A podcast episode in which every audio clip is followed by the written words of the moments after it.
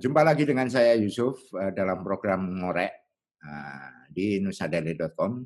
Kali ini saya akan ketemu uh, sepasang suami istri yang bergiat di dunia kesenian, yaitu Mas Pandu Sadeka dan Mbak Rani Iswinedar.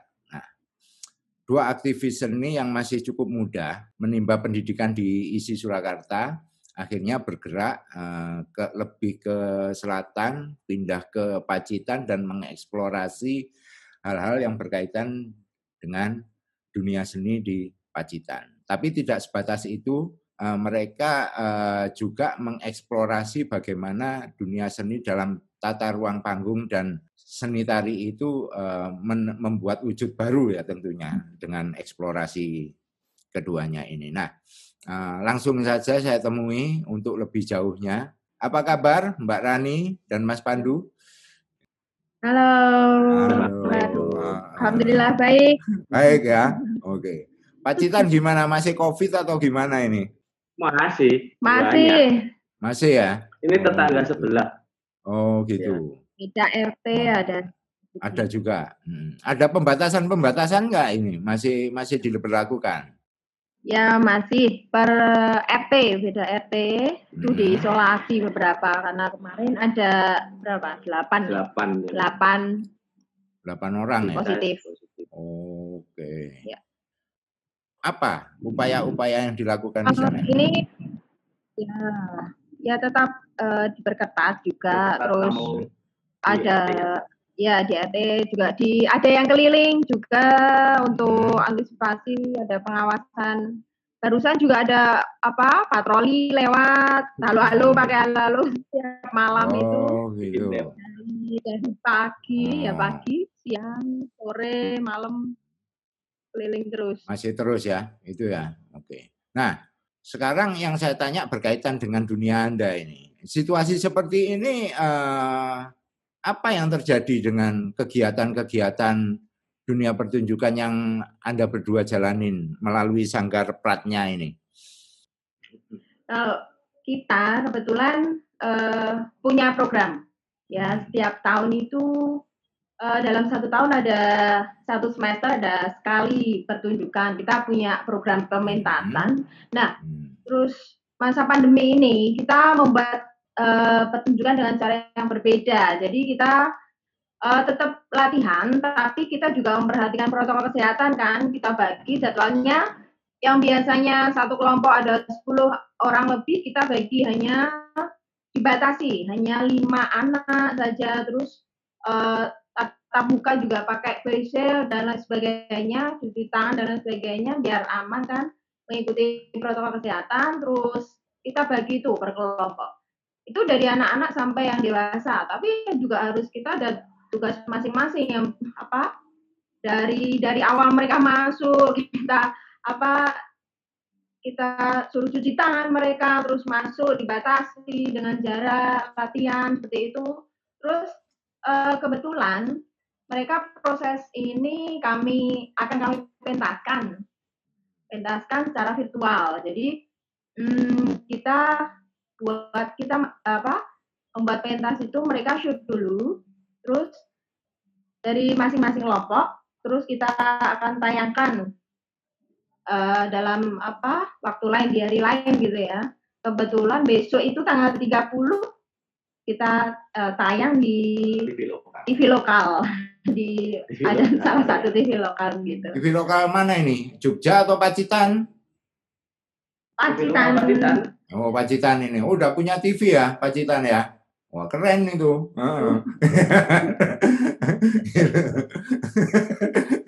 Oke. Oke. Di sana mereka istilahnya bikin panggung baru begitu. Ya kita berpikir juga bahwa nanti panggung itu berpindah begitu. Hmm. Berpindah ke layar kaca begitu. Hmm. Oke. Okay. Ya. Jadi talent saya. Dan beberapa karya di masa pandemi ini berbentuk video meskipun belum bagaimana ya kita masih juga meraba-raba dan sulitnya memang di sana. Ternyata bahwa uh, uh, mengakomodir cita-cita artis di panggung kemudian pindahkan ke layar hmm. kamera dan lain sebagainya. Hmm. Oke, okay, menarik ini. Ah, ini menarik ini.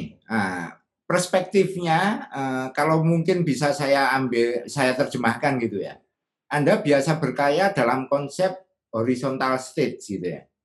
Tiba-tiba harus mengkreasikan iya. itu dalam konteks vertical stage gitu kan.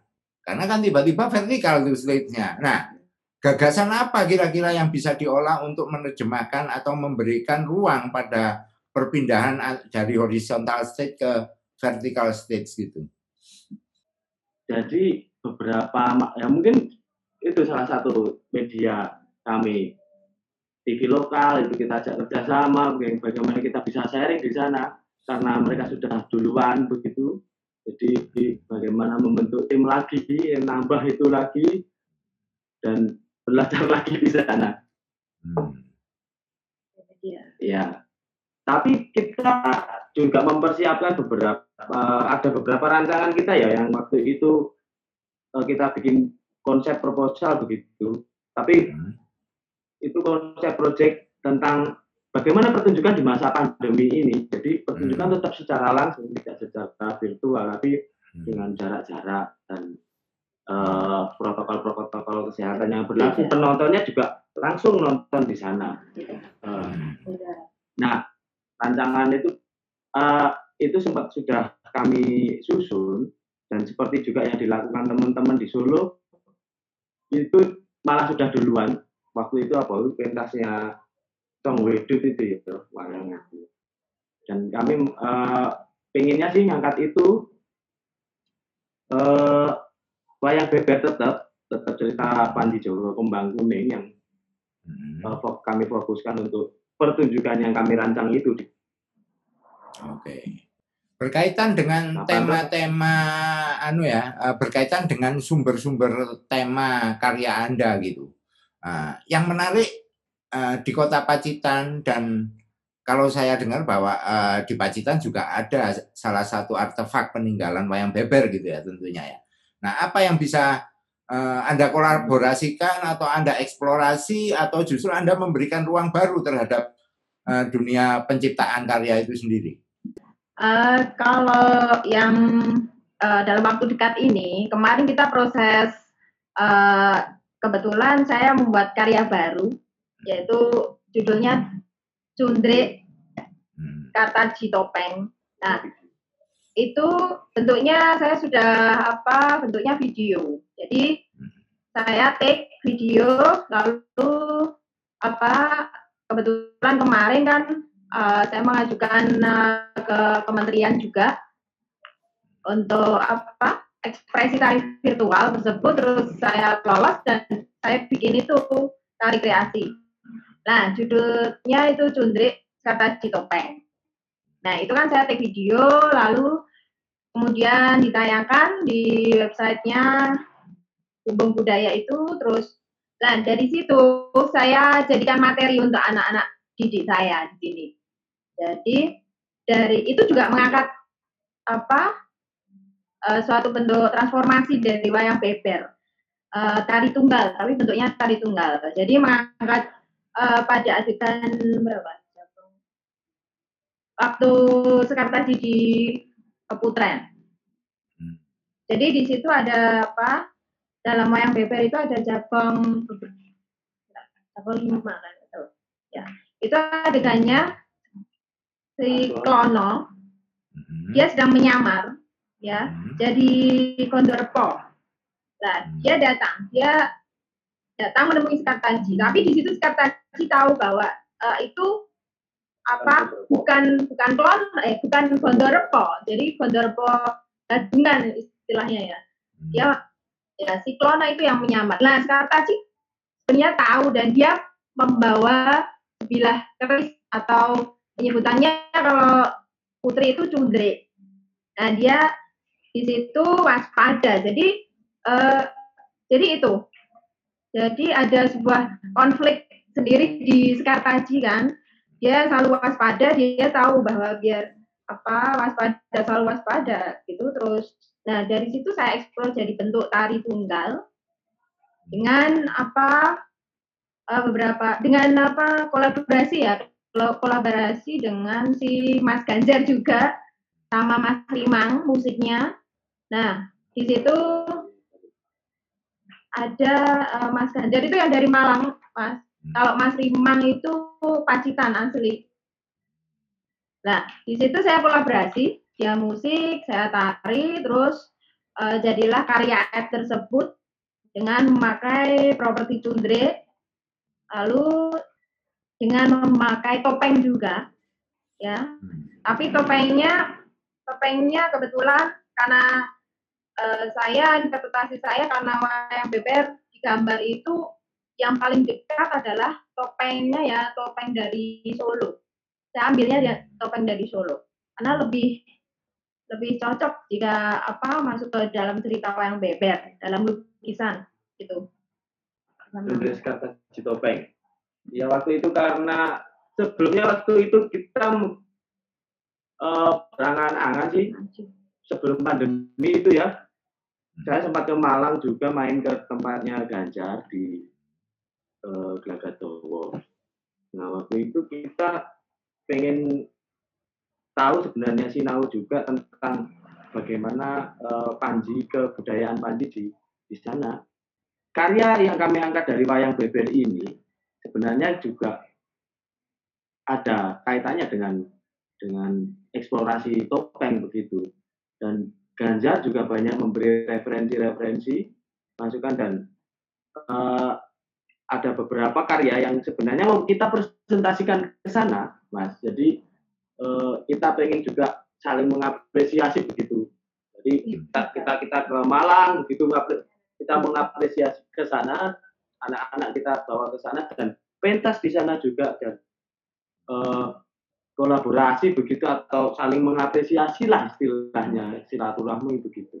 Tapi begitu di masa begitu ada COVID, COVID hmm dan kita masih uh, kita berhenti dan kita cancel.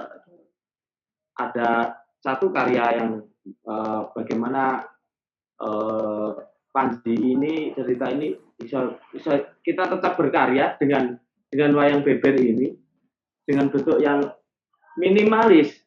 Hmm. Jadi penarinya satu kan tidak boleh ada beberapa orang. Nah, akhirnya ada tari tunggal ini di bahasa pandemi ini tercipta satu tari tunggal Sundri Sekarta Citopeng ini.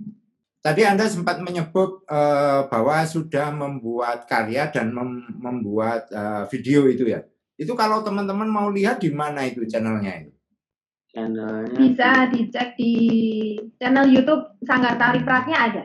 Oh, jadi ada di situ ya karya-karyanya ya, gitu ya. Sudah ditampilkan di situ ya. Buat teman-teman yang pengen tahu karya uh, Mbak Rani dan Mas Adeka bisa tonton YouTube-nya. Jangan lupa subscribe ya, gitu ya.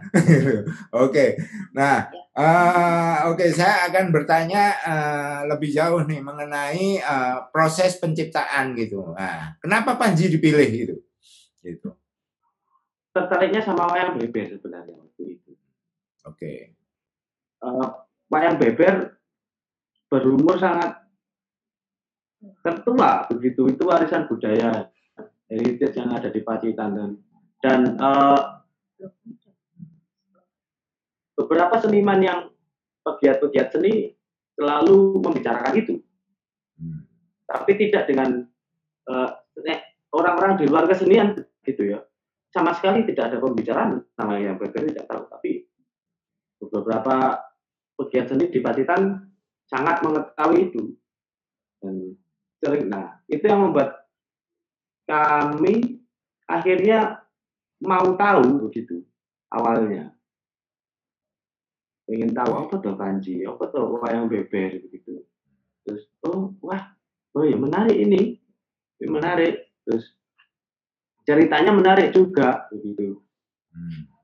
dan dan ketika sebelum tahu ceritanya pun ketika melihat gambarnya dan menafsir menafsir bagaimana gambar itu kemudian coba kita keluarkan begitu menafsir secara ketubuhan, secara pertunjukan itu, itu sudah e, banyak hal bisa diungkapkan, bisa diungkap setelah melihat uh, lukisan itu ya, lukisan wayang beber itu sendiri.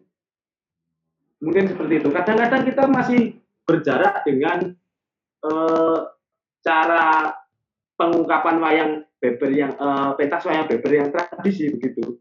Bahasanya kan kita berjarak, kita tidak tidak begitu paham memperhatikan lukisannya itu tapi akhirnya uh, kita tanya terus soal itu.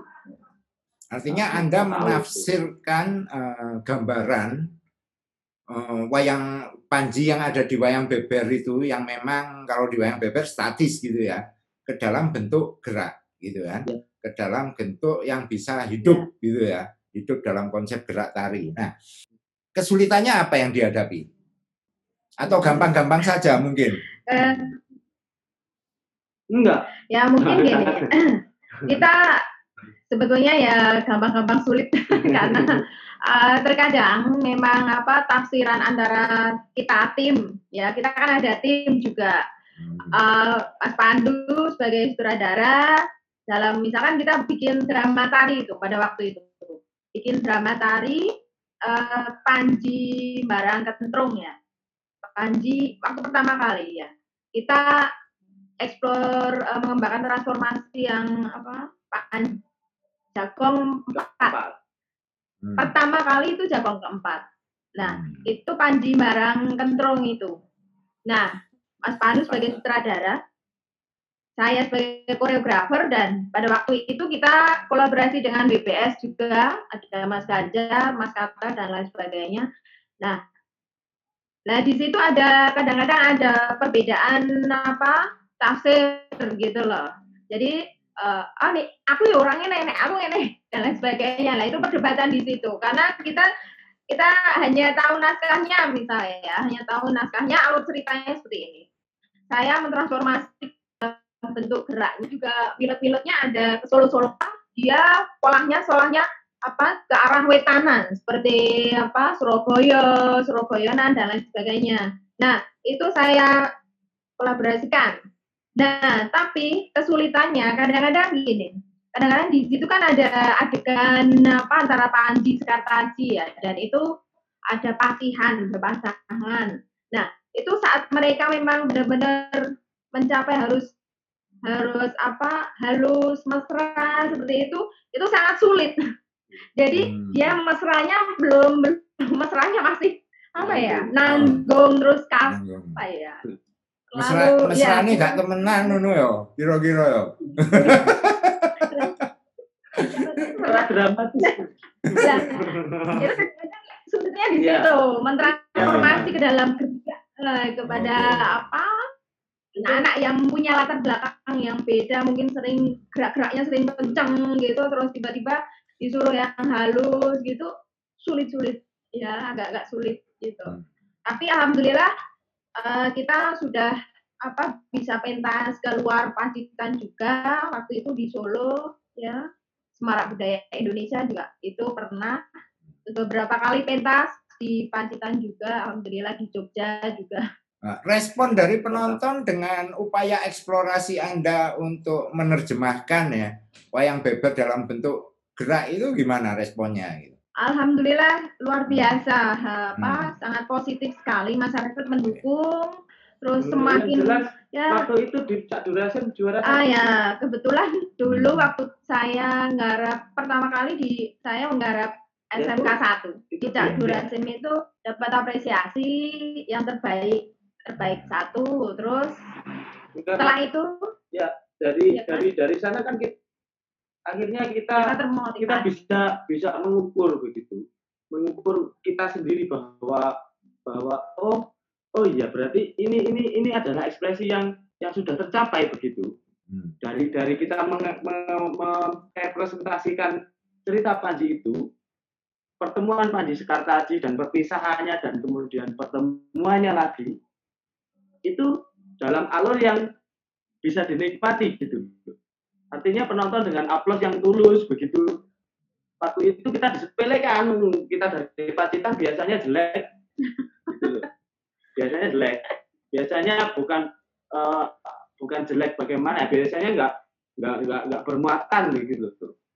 Tarinya itu tari-tarian seperti uh, tidak seperti yang diinginkan di Juknis begitu. Di, di, di Juknis menginginkan ini ada dramatiknya begitu. Orang orang waton gerak ya, orang waton gerak. Tapi ada drama ada sendera tarinya gitu ya. kan? Gitu ya.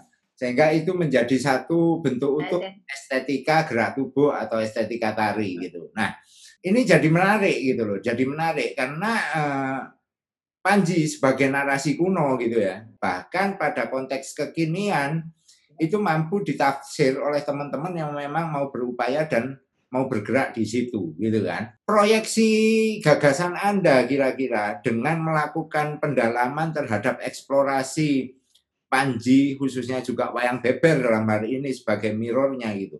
Nah, apa yang kira-kira mau mau Anda sampaikan secara gagasan gitu? Kita ada hal-hal sederhana untuk eh, anak-anak uh, begitu ya bahwa bahwa sebenarnya ada banyak sumber ide kreatif yang sudah diwariskan sejak dulu begitu. Artinya begini, cerita Panji itu muter begitu ya. Kalau ada perpisahan kemudian ada pertemuan kemudian pencarian begitu. Ada hal-hal harapan itu kemudian perpisahan lagi begitu loh muter.